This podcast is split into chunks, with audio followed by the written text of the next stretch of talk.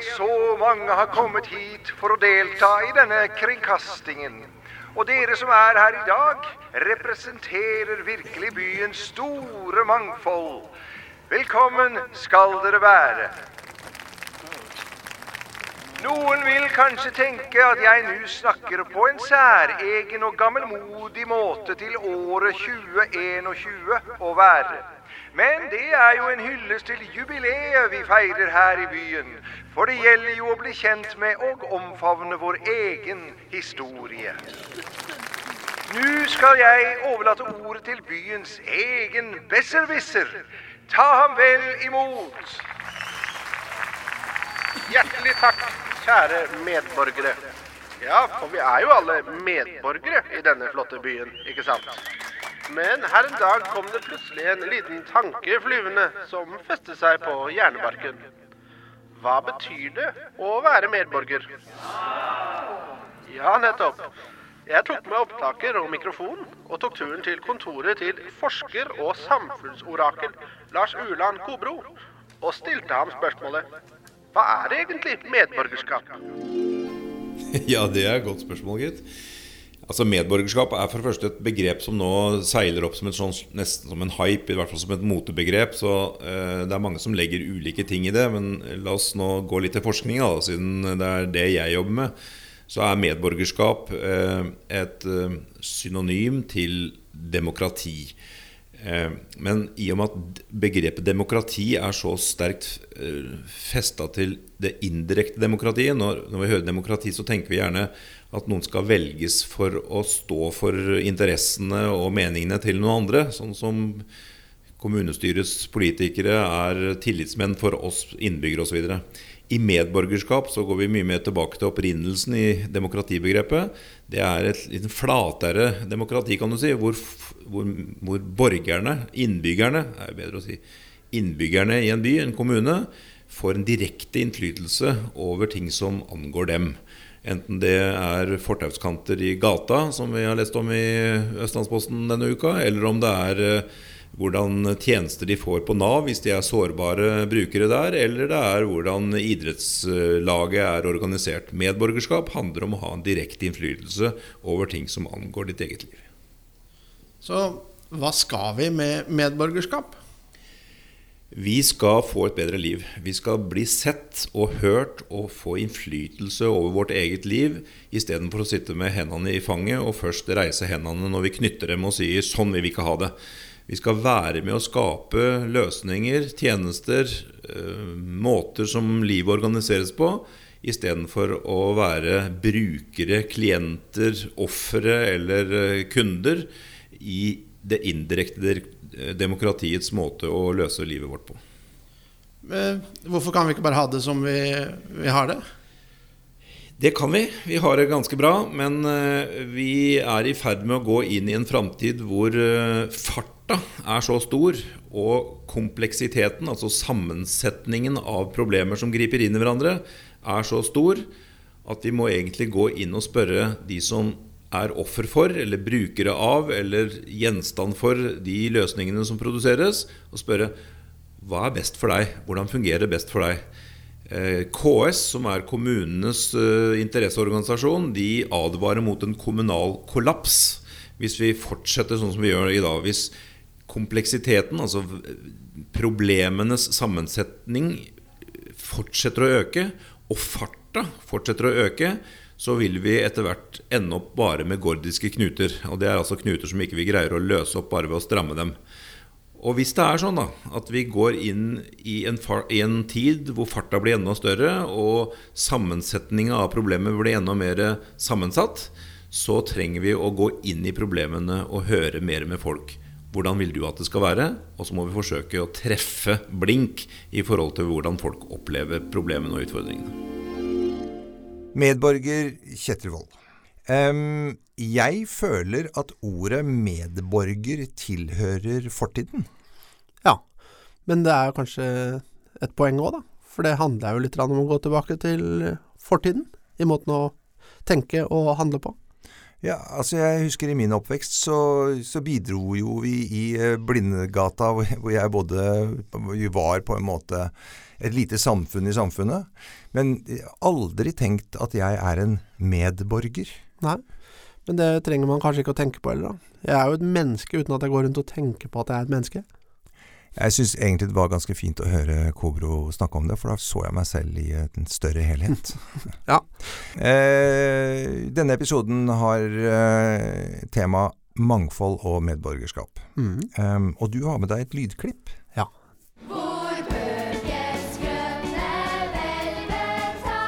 Hva er det vi hører her, Kjetil? Det er vel rett og slett eh, lyden av mangfold. Mm. Det er eh, fargespill. Og det er eh, verdensborgere bosatt i Larvik. Ja, og du tok deg en tur til Larvik læringssenter, skjønner jeg? Ja, jeg har snakka med Jannike Lille Haugen. Fargespill er jo et prosjekt som finnes over hele landet, eller i veldig, veldig mange steder i landet. Det starta i Bergen med stiftelsen Fargespill for 16 år siden. Og så er det nå Kjøper man lisenser, eller man blir kursa og lisensiert for å drive fargespillprosjekter. Så det fins prosjekter i over 20 forskjellige steder i, i landet. Men Fargespill Larvik, vi var vel det første prosjektet som var piloten, på en måte, den gangen eh, for 11 år siden, da vi starta.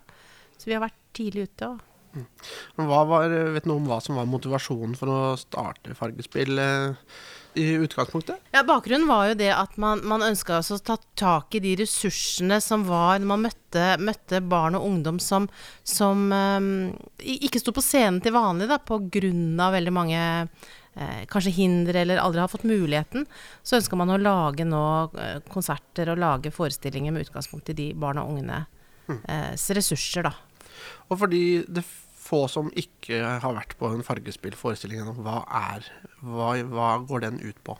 Ja, når vi starter en fargespillforestilling, så består den av eh, mus musikk, sang og dans fra hele verden. Og det er barn og ungdom i alderen 7 til 25 år som står på scenen. Uh, de, uh, vi starter, jeg pleier alltid å si at vi starter med en sånn tom båndopptaker. For når vi skal lage en ny forestilling, så vet vi aldri hva den skal inneholde. For vi tar utgangspunkt i de barna og ungdommene som er med i, i prosjektet til enhver tid. Hva de har med seg av sang, musikk, dans, en regle, en barnesang. Hva de har med seg fra sin oppvekst og fra sin historie, da. Og så setter vi det sammen med, med, med norsk tradisjonsmusikk og urban, mer urban ungdomsmusikk, da. Men hvem eh, deltar? Eh, Er det, plukker man eh, folk i klasserommet, eller melder folk seg på, eller hva? Ja, vi har, tar alltid utgangspunkt i og er og har um, timer på, i mottaksklasser, eller tidligere verdensmesterens skole, men nå har vi, har vi en, en, to mottaksklasser som vi er i. Så alle nyankomne barn og unge har på en måte, får et møte med fargespill.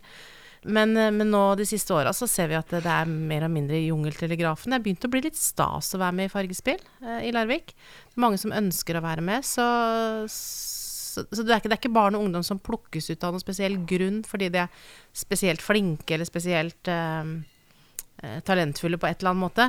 Men eh, det, det alltid, alle må, de må jo bidra. Eh, det er ingen som er med bare for å, for å se på. Man må bidra hele tida. Men det er jo masse øh, hva- heter det, etnisk norske barn også som er med. Ja, det er, det, det er liksom hele, litt av hele, hele konseptet i Fargespill. At det skal jo liksom gjenspeile den befolkningen som er i, i, i Larvik, da.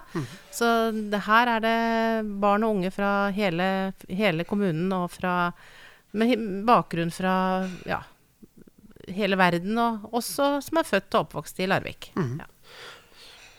Hvordan møter dere eh, hvert enkelt barn, helt konkret?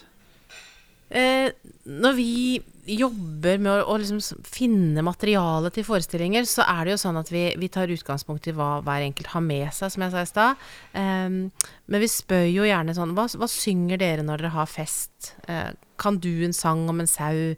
Em, og så får vi fanga det opp på en båndopptaker, og så, så jobber vi med å tolke og bearbeide, em, rekonstruere, og så er det barna og ungdommene sjøl som er med på å lære bort til resten av gruppa.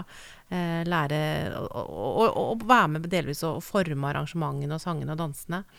Eh, For vi er jo ekstremt opptatt av dette her med ressursfokuset. For Fargespill er jo et eh, prosjekt som, som har fokus på ressurser.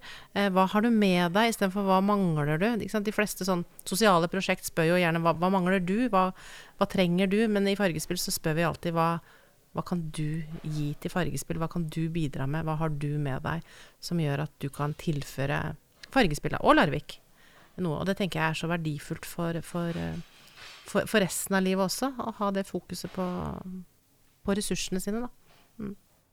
Hvilken betydning tror du fargespill har for eh, både for de nyankomne, og, men også for Larvik? Ja, Hvis man skal ta utgangspunkt i de tilbakemeldingene da, som barna og ungdommene nå kommer med, så, så sier de jo noe med det at det, de føler at det er her de kan få være seg sjøl. Og få lov å bruke mye mer en del og vise mye større del av hvem jeg egentlig er, som en av, en av jentene nå sa så seint som etter siste forestilling vi hadde. Eh, mange blir mye mer kjent med, med egen eh, familiekultur, eh, eller gammelt hjemland, da. Eh, og det kan også være barn og ungdom som har foreldre med, med bakgrunn fra annen opprinnelse. Som aldri engang har bodd annet sted enn Larvik, men som blir kjent med, med røttene sine på en helt annen måte. Den begynner å leite og bli mer nysgjerrig på røttene sine. Så det handler jo mye om identitet. Det handler mye om bevisstgjøring av e- egen identitet og de mulighetene som, som man får, da. Tror du det har noen betydning for, eh, for Larvik, altså sånn utover at det er et, eh, en fin forestilling? Ja, absolutt. Det tror jeg. Jeg håper jo det. For jeg tenker det, det er jo noe med Vi tilfører jo og de forestillingene, og den musikken og den dansen og, og de ressursene som, som på en måte kommer til syne gjennom Fargespill Larvik, er jo ikke sikker på om det hadde kommet til syne på samme måte da, på det tidspunktet, hvis ikke vi hadde hatt Fargespill. Og, og det er liksom summen av alle de stemmene som er i Larvik nå, og de barna og ungene. Så jeg helt klart, og jeg, jeg vet jo folk som kommer ut av forestillinger som sier at ah, nå følte jeg meg endelig som en verdensborger for første gang i Larvik. Og da blir jeg jo rørt. Ja. Eh, Foreldrene, da? Er, blir de også eh, involvert? Ja, eh, ja, det gjør helt klart. Vi, har jo vært, vi er utrolig heldige og har en st- Det krever jo veldig mye å lage forestillinger med, av, av den størrelsen som vi lager med over 80 unger på, og barn og unge på scenen. Og det krever jo også et stort apparat bak scenen, så, så det, vi, vi prøver å skape et godt foreldremiljø. Vi har mange frivillige foreldre også som bidrar. Så de lager Ja. Mm. Uh, og, og jeg ser jo det at foreldrene finner hverandre. Og vi vet, jeg veit jo sjøl bare hvordan jeg ble kjent når jeg flytta til, til min by, da, eh, kom utenfra, at det er jo gjennom barna man ofte blir bygger nettverk og blir kjent i nærmiljøet. Jeg ser jo fargespill sånn én gang i året, og, men hvor, hvor, hvor, mye, hvor mye arbeid er det? Blir det jobba med gjennom hele året? Hvor mange forestillinger er det? Altså, Ikke sant? Eh, og det varierer. Nå, nå har vi jo liksom koronaperioden litt bak oss, og da har vi hatt mye sånn digitale eh, møteplasser. Men, men eh, i et sånt normalår i fargespill, da, så har vi Vi har, vi har faste øvelser. Vi har ca. ti ti grupper eh, som går eh, gjennom hele skoleåret. I tillegg så har vi mye sånne fellesøvelser i helgene, så vi har ofte en sånn ti-tolv helger som vi, vi øver sammen. Eh, sammen. Og så har vi en helg som vi alltid reiser bort på overnattingstur, en fast helg som, som er veldig viktig for, eh, for alle som er med, både oss eh, som jobber med det og, og barna og ungdommene. Og så gjør vi ulike eventer og konserter, så, så det kan være alt fra at vi har 10 opptredener til 15 opptredener eh, i tillegg eh, til eh, de fire forestillingene vi vanligvis gjør i Larvik, og kanskje vi er på flytter oss utenbys og gjør noen konserter der. Så det, mm, det er et høyt aktivitetsnivå, det er helt klart. Derav navnet. Vi skal snakke om Colin Archers gate, og i den forbindelse så sitter vi på Tollråden. Og nøyaktig hvor i det her 800 kvadratmeter store huset sitter vi nå? Styreleder i Stiftelsen Tollråden, Hilde Borger. Ja, nå sitter vi i hjørnestua, som egentlig er et rakokkorom fra 1760, men det er donert da til Fram og Framferden og Colin Archer, og heter Framsalongen. Og når vi skal snakke om Colin Archer, og vi ikke skal snakke om båtbyggeren, hvem er Colin Archer da? Colin Archer er en mann som eh, var født av en skotsk familie, og da til alt overmål født her i Larvik. Hans familie kom egentlig som økonomiske flyktninger, og da er vi tilbake i de harde 30-åra, altså 1830, 40, 50, hvor hele Europa var på knærne. Og det var også Larvik. Eh, og han er da født som en av de siste eh, barna i den familien som da greide å bo på Tollerodden og føde 13 barn. Og som sagt, han er, en av de, og han ble født 22. juli i 1832. Og han levde her eh, som barn i dette huset, eh, og faktisk hadde formell adresse her fram til han var 36 år. Han var ganske seint ute med det meste. Eh, fordi at han hadde hatt lange sløyfer ut i internasjonalt farvann, for å, for å si det sånn. Men da bl.a. lett etter gull borte i California, og han var i Australia. Og han, men det kanskje det viktigste når det gjelder hans skal du si, base for å bli en samfunnsbygger for Larvik, det gikk nok i barneåra hans her på Tollerodden. Det viser både dikta hans og mye av det han har skrevet og laget. Han var opptatt av åssen folk hadde det i Larvik. Det dro han med seg. Og når han var ute i verden og så åssen andre mennesker levde, og hvordan demokrati virka og sånn, så har nok han gjort mange refleksjoner over dette lille stedet som heter Larvik, som han bodde vokste opp i. Ja, så den eh, Så det samfunnsengasjementet hans, det var, det var noe han hadde med seg fra Larvik? Det var ikke si, noe han hadde med seg hjem? Eh, han hadde vel det på en måte med seg hjem igjen også, da, fordi at eh, da han bor i Australia, så mange av alle brødrene, de ti brødrene, de bodde i Australia i lange perioder sammen med en onkel. eh, Og dreiv opp en stor kvekfarm, og der gjorde de mye penger for øvrig. I den kvegfarmen. Som gjorde at det blei sendt penger hjem her til, til Larvik, som gjorde at foreldrene kunne bo i dette huset som vi nå sitter i. Eh, Men i den tida der så lærte han seg også om samfunnsbygging der borte, og fremdeles i Queensland eh, så er det store områder som innsjøer som heter Farris. Det er eh, en stor by som kalles Larvik. En middels stor by. Og i, der fikk han jo observere åssen han onkelen og de andre onklene hans og tantene hans faktisk bygde opp et samfunn i Australia. Så det er klart at han har hatt med seg mange refleksjoner, tror jeg, eh, om eh, hvordan man skulle bygge samfunn, og hvordan man da måtte jobbe på et, full, et stort register for å få menneskene til å samles, til å bygge og finne optimisme. Så han har nok hatt det med seg. I tillegg til det så var jo faren hans handelsmann, og mora var lærer, lærerinne i engelsk borte på herregården, for øvrig. Eh, og han mestra jo engelsk, eller hele den familien mestra jo engelsk. Og det var ikke mange som gjorde i Larvik i den tida. Så det gjorde jo også at eh, han kunne tilegne seg teoretisk kunnskap ved å lese aviser og blader. Vi har funnet masse av dem som har vært, eh, vært eh, limt inn i alle rom på Tollerodden som isolasjon etter hvert. Hvordan de holdt både amerikanske og engelske aviser fast. Så de dro nok med seg hele den samfunns... skal du si, feelingen inn her. Um, så, eh, men da, da han eh, begynte da å etablere seg her eh, på Tollerodden, så, eh, så starta han jo egentlig i det små, parallelt med at han konstruerte, så bygde han og interesserte han seg voldsomt for samfunnet som sådan. Eh, han hadde en åre inn i musikken. Han hadde vært så heldig at han hadde lært å spille cello fra han var guttunge her på Tollråden. Og den hadde han med seg til Australia, hadde med seg tilbake igjen. Eh, og i den perioden så har alle disse 13 ungene som bodde her i huset, spilte ett instrument.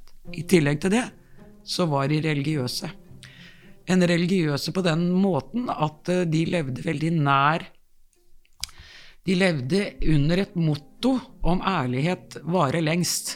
Det står eh, i flere av de bøkene vi har her, som han har skre håndskrevet sjøl også. Og det, det betyr det at du må Det er handlingen, og ikke nødvendigvis bare orda, som gjør at du øh, finner en fred med Gud. For Gud, Jesus, alt dette trodde de veldig på. Men de benekta vel samfunnsordenen som kirken tilhørte.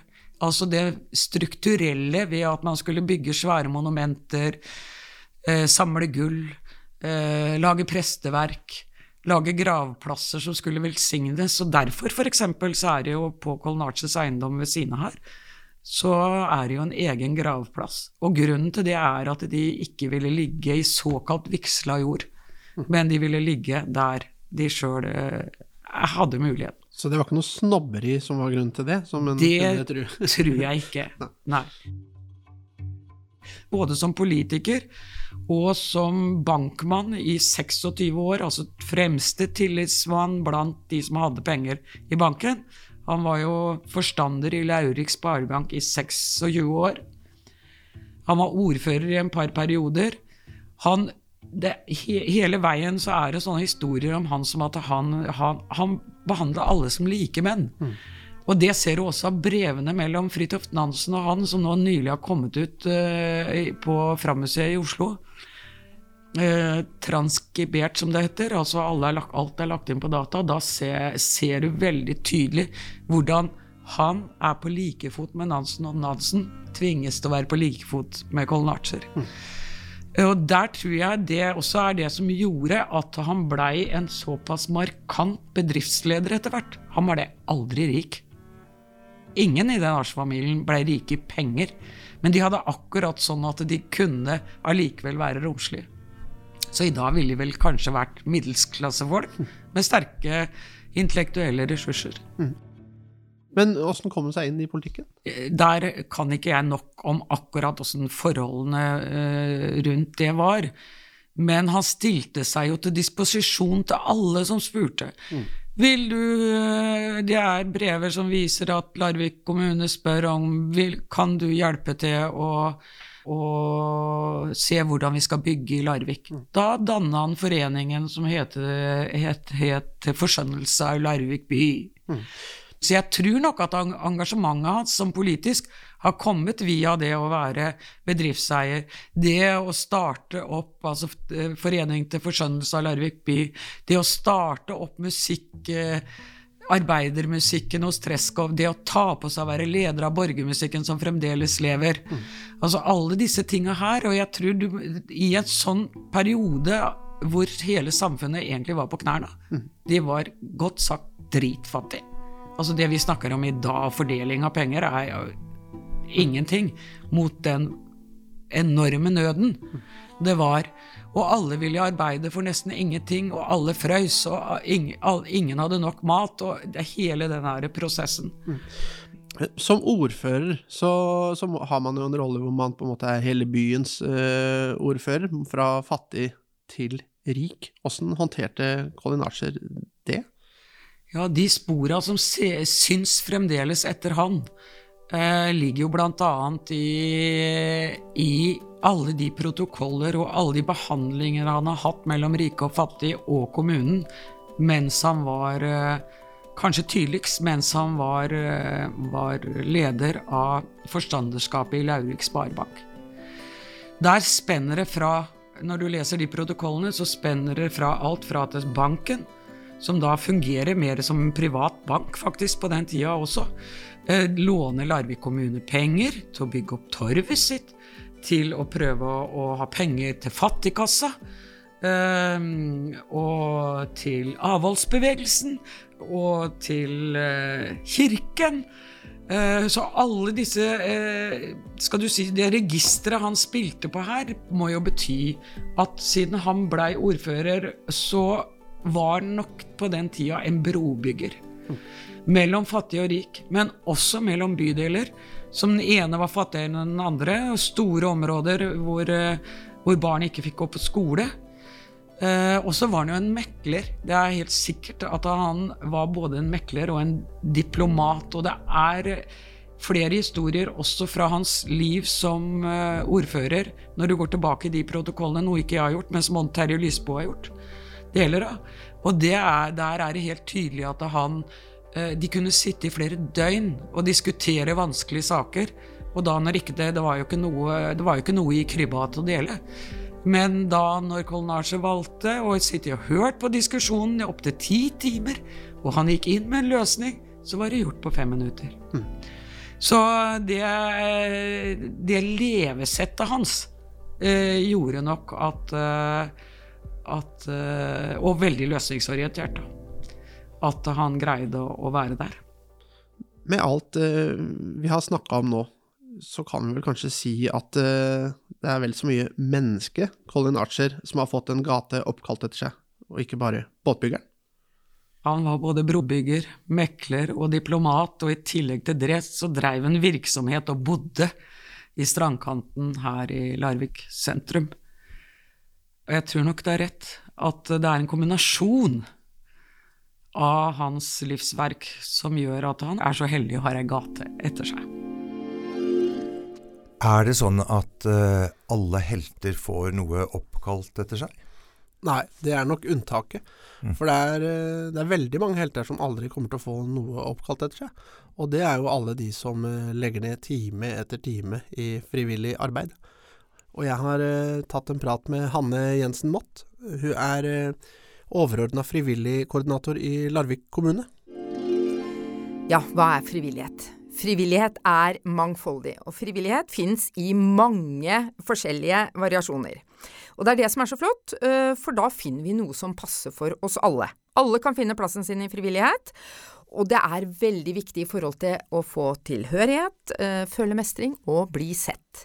Um, FNs definisjon på frivillig arbeid, det er et ikke-obligatorisk arbeid, eh, vil si den tiden det tar en person å utføre en eller flere aktiviteter, enten gjennom en organisasjon eller direkte overfor andre utenfor egen husholdning og uten å ta betalt, sier de. Så da er det frivillighet eh, når jeg klipper plen til naboen min, f.eks. For eksempel, ja. Men hvis vi skal ta for oss den eh, organiserte delen av frivilligheten, hvor mange er det som driver med frivillig arbeid i Larvik da? Ja, det er litt vanskelig å angi et eksakt tall på. Men eh, hvis man går inn i Brønnøysund, eh, i registeret der, så er det i enhetsregisteret registrert 767 eh, lag og foreninger i eh, Larviksområdet som er ikke-fortjenestebaserte, som er et av prinsippene for frivillig aktivitet. Eh, og av disse igjen så er 464 registrert i Frivillighetsregisteret. Der må du være registrert for å ha tilgang til momskompensasjon og eh, grasrotandelen, blant annet. Ja. Eh, har vi noen idé om hvor mange som er, er da i de organisasjonene, eller er det vanskelig å si, kanskje? Det er uh, litt vanskelig å si Ja. Mm. med medlemstall og sånn. Eh, det har jeg i hvert fall ikke noe svar på akkurat nå. Uh, men sånn hvis man skal se på, på um, årsverk på landsbasis, så omsetter jo frivillig sektor 142 000 årsverk. Ja. Eh, frivillig årsverk i året. Mm. Innafor hvilke områder uh, har vi frivillighet? Frivillighet finnes uh, nesten på alle områder. Uh, oppvekst og fritid er en veldig stor del av det. Omsorg og inkludering. Og for ikke å snakke om beredskap, som vi nå har eh, fått følt tett på under covid. Så det fins eh, som sagt i, eh, i alle deler. Mm. For det er jo lett å tenke, i hvert fall så gjør jeg det, når jeg hører frivillighet, så er det lett å tenke ting som har med barn og unge å gjøre. Men det, det har kanskje litt med hva vi, hva vi sjøl er borti, da. Ja, kanskje hvor man sjøl er i livet. Ja. Eh, For frivillighet, det fins jo egentlig i, for alle målgrupper og i alle deler av, av livet vårt. Så, og de to største områdene eh, i frivilligheten, det er jo eh, den velferdsorienterte frivilligheten, som er den eldste frivilligheten. Ja. Og hva er det? Eh, Ja, det er f.eks. ideelle organisasjoner ikke sant, som driver med ideelt arbeid. Eh, frivillig sektor har jo alltid vært veldig innovativ. Så dette er organisasjoner som eh, først så utsatte grupper av mennesker i samfunnet f.eks. Fanget opp disse og, og hjalp de og satt ting i system. Og så har da det offentlige overtatt uh, omsorgen for disse gruppene etter hvert. Ja, for det er jo Vi kan vel egentlig si at frivilligheten kommer først. Ja, frivilligheten kom først. ja. Og så kom systemene og overtagelsen etter hvert på bakgrunn av erfaringer og ting som ble etablert. Ja. Mm. Så- og uh, bare for å fortsette den uh, rekken, så er jo kultur- og fritidsorientert frivillighet også da den aller største dele, delen av frivilligheten. Og den nyeste delen også. Så um, ja.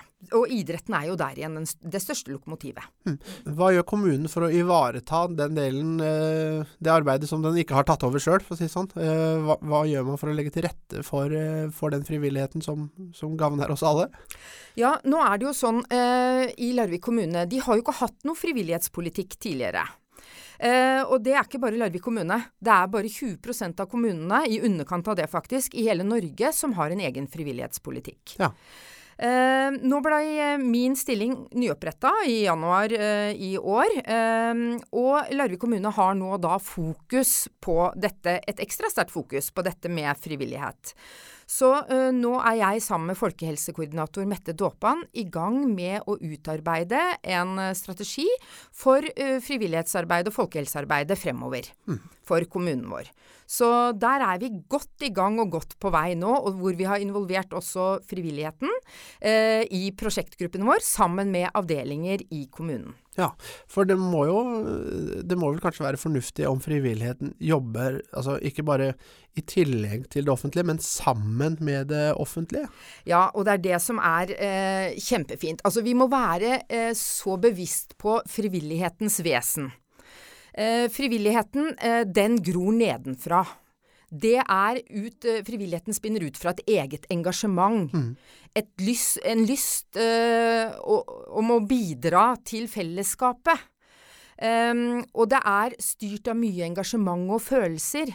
Mens uh, eh, offentlig sektor da, uh, er veldig regel- og retningsorientert. Det er to sektorer der som på en måte skal prøve å samhandle og ha en felles forståelse av hvordan vi kan gjøre det på best mulig måte.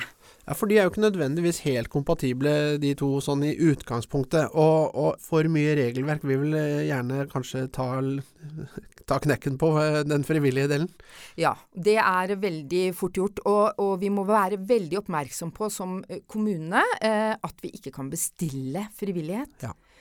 Men vi kan, gå, vi kan invitere inn til en samtale rundt bordet. Invitere frivilligheten og innbyggerne våre inn. Og spørre hva kan vi gjøre sammen. Hvordan kan vi legge til rette for at vi skal kunne løse samfunnsoppdraget sammen?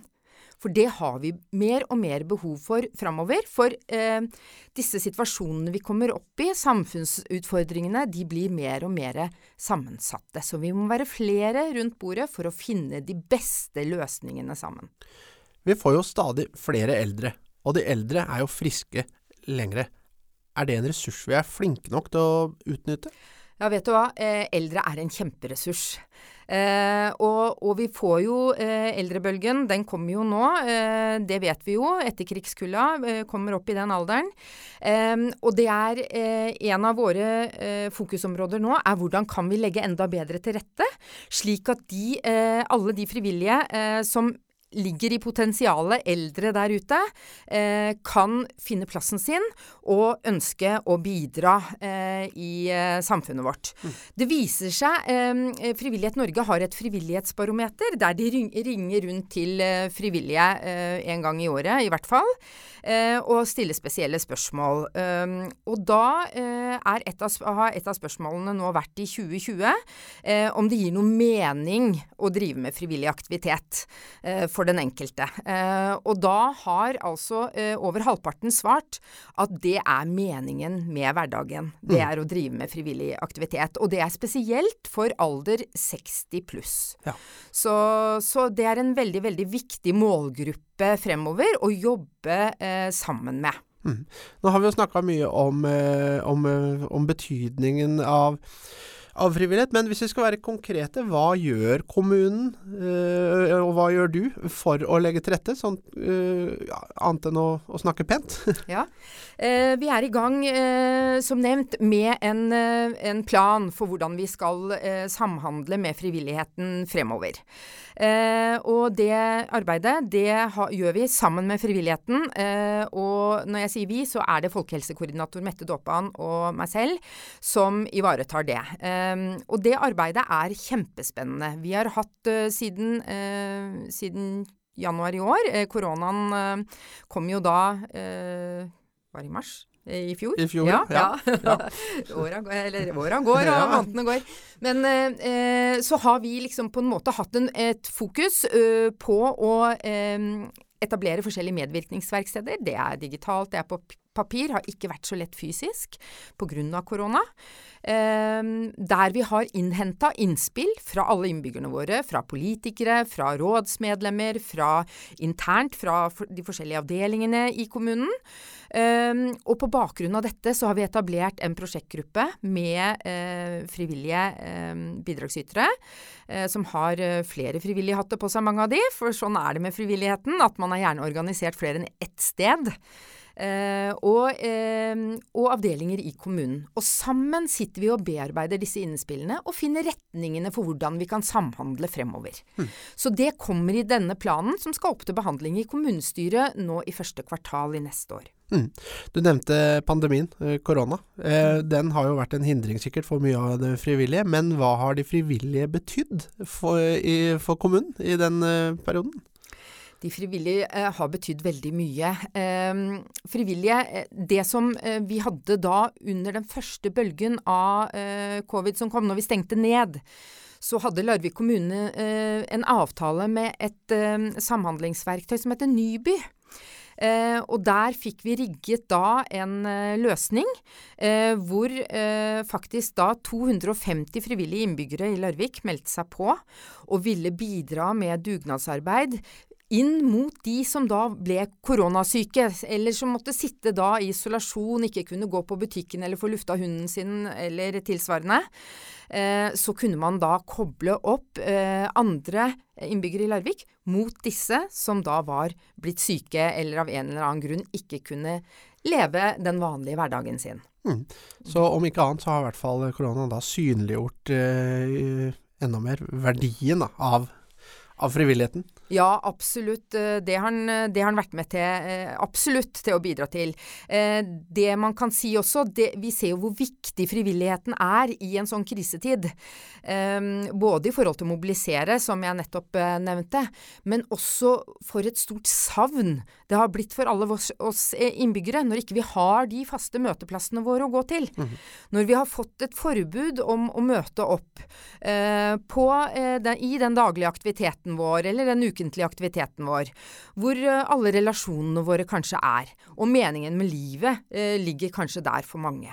Så ensomheten har dessverre eh, fått en litt sånn negativ spiral eh, i denne eh, pandemitiden som, som vi har vært igjennom. Kan vi gå så langt som å si at eh, frivilligheten er limet i samfunnet vårt? Ja, det syns jeg absolutt at vi kan. Ehm, For frivilligheten den bidrar til å styrke oss mennesker og styrke samfunnet. Eh, Frivilligheten legger til rette for eh, møteplasser og aktivitetsarenaer, eh, fellesskapsfølelsen, mestringsfølelsen, det å kunne inkludere på tvers av skillelinjer og bakgrunn. Eh, ja, det har en helsefremmende effekt. Det er godt for folkehelsa å delta i frivilligheten. Og det er for alle, i alle målgrupper, alle aldersgrupper, eh, kan finne plassen sin eh, i frivilligheten. Og så tenker jeg at frivilligheten er jo også en av tre sektorer, ikke sant. Det er privat sektor, det er offentlig sektor, og det er frivillig sektor. Og frivillig sektor er en hjørnestein i et levende demokrati eh, og et velferdssamfunn. Eh, og det gjøres mye godt arbeid i de forskjellige organisasjonene i sivilsamfunnet, f.eks. i råd og komiteer, eh, som da har en viktig demokrat demokratisk rolle. Ja, for, for vi har jo eh, til og med et eh, demokrati som er basert eh, på eh, frivillighet, og det, det er nok eh, ganske spesielt for eh, Norge. Og, og da er vi jo også avhengig av at folk har tillit til frivilligheten.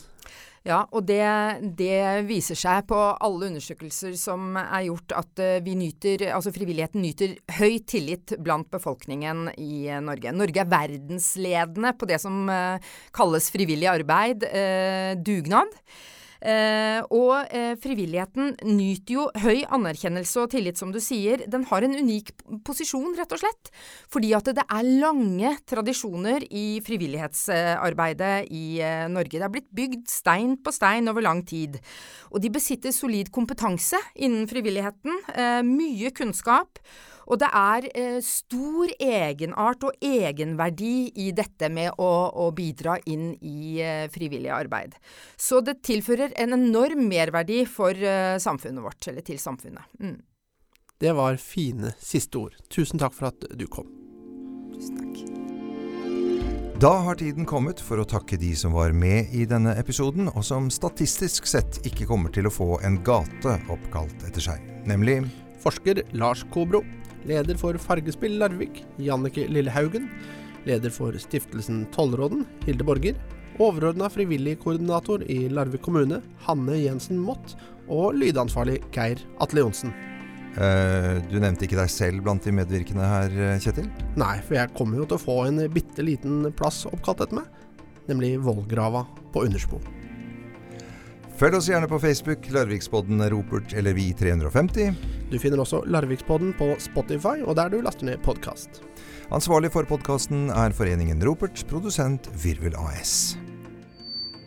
Takk for fremmøtet, Johnsen. Takk det samme. Vel hjem.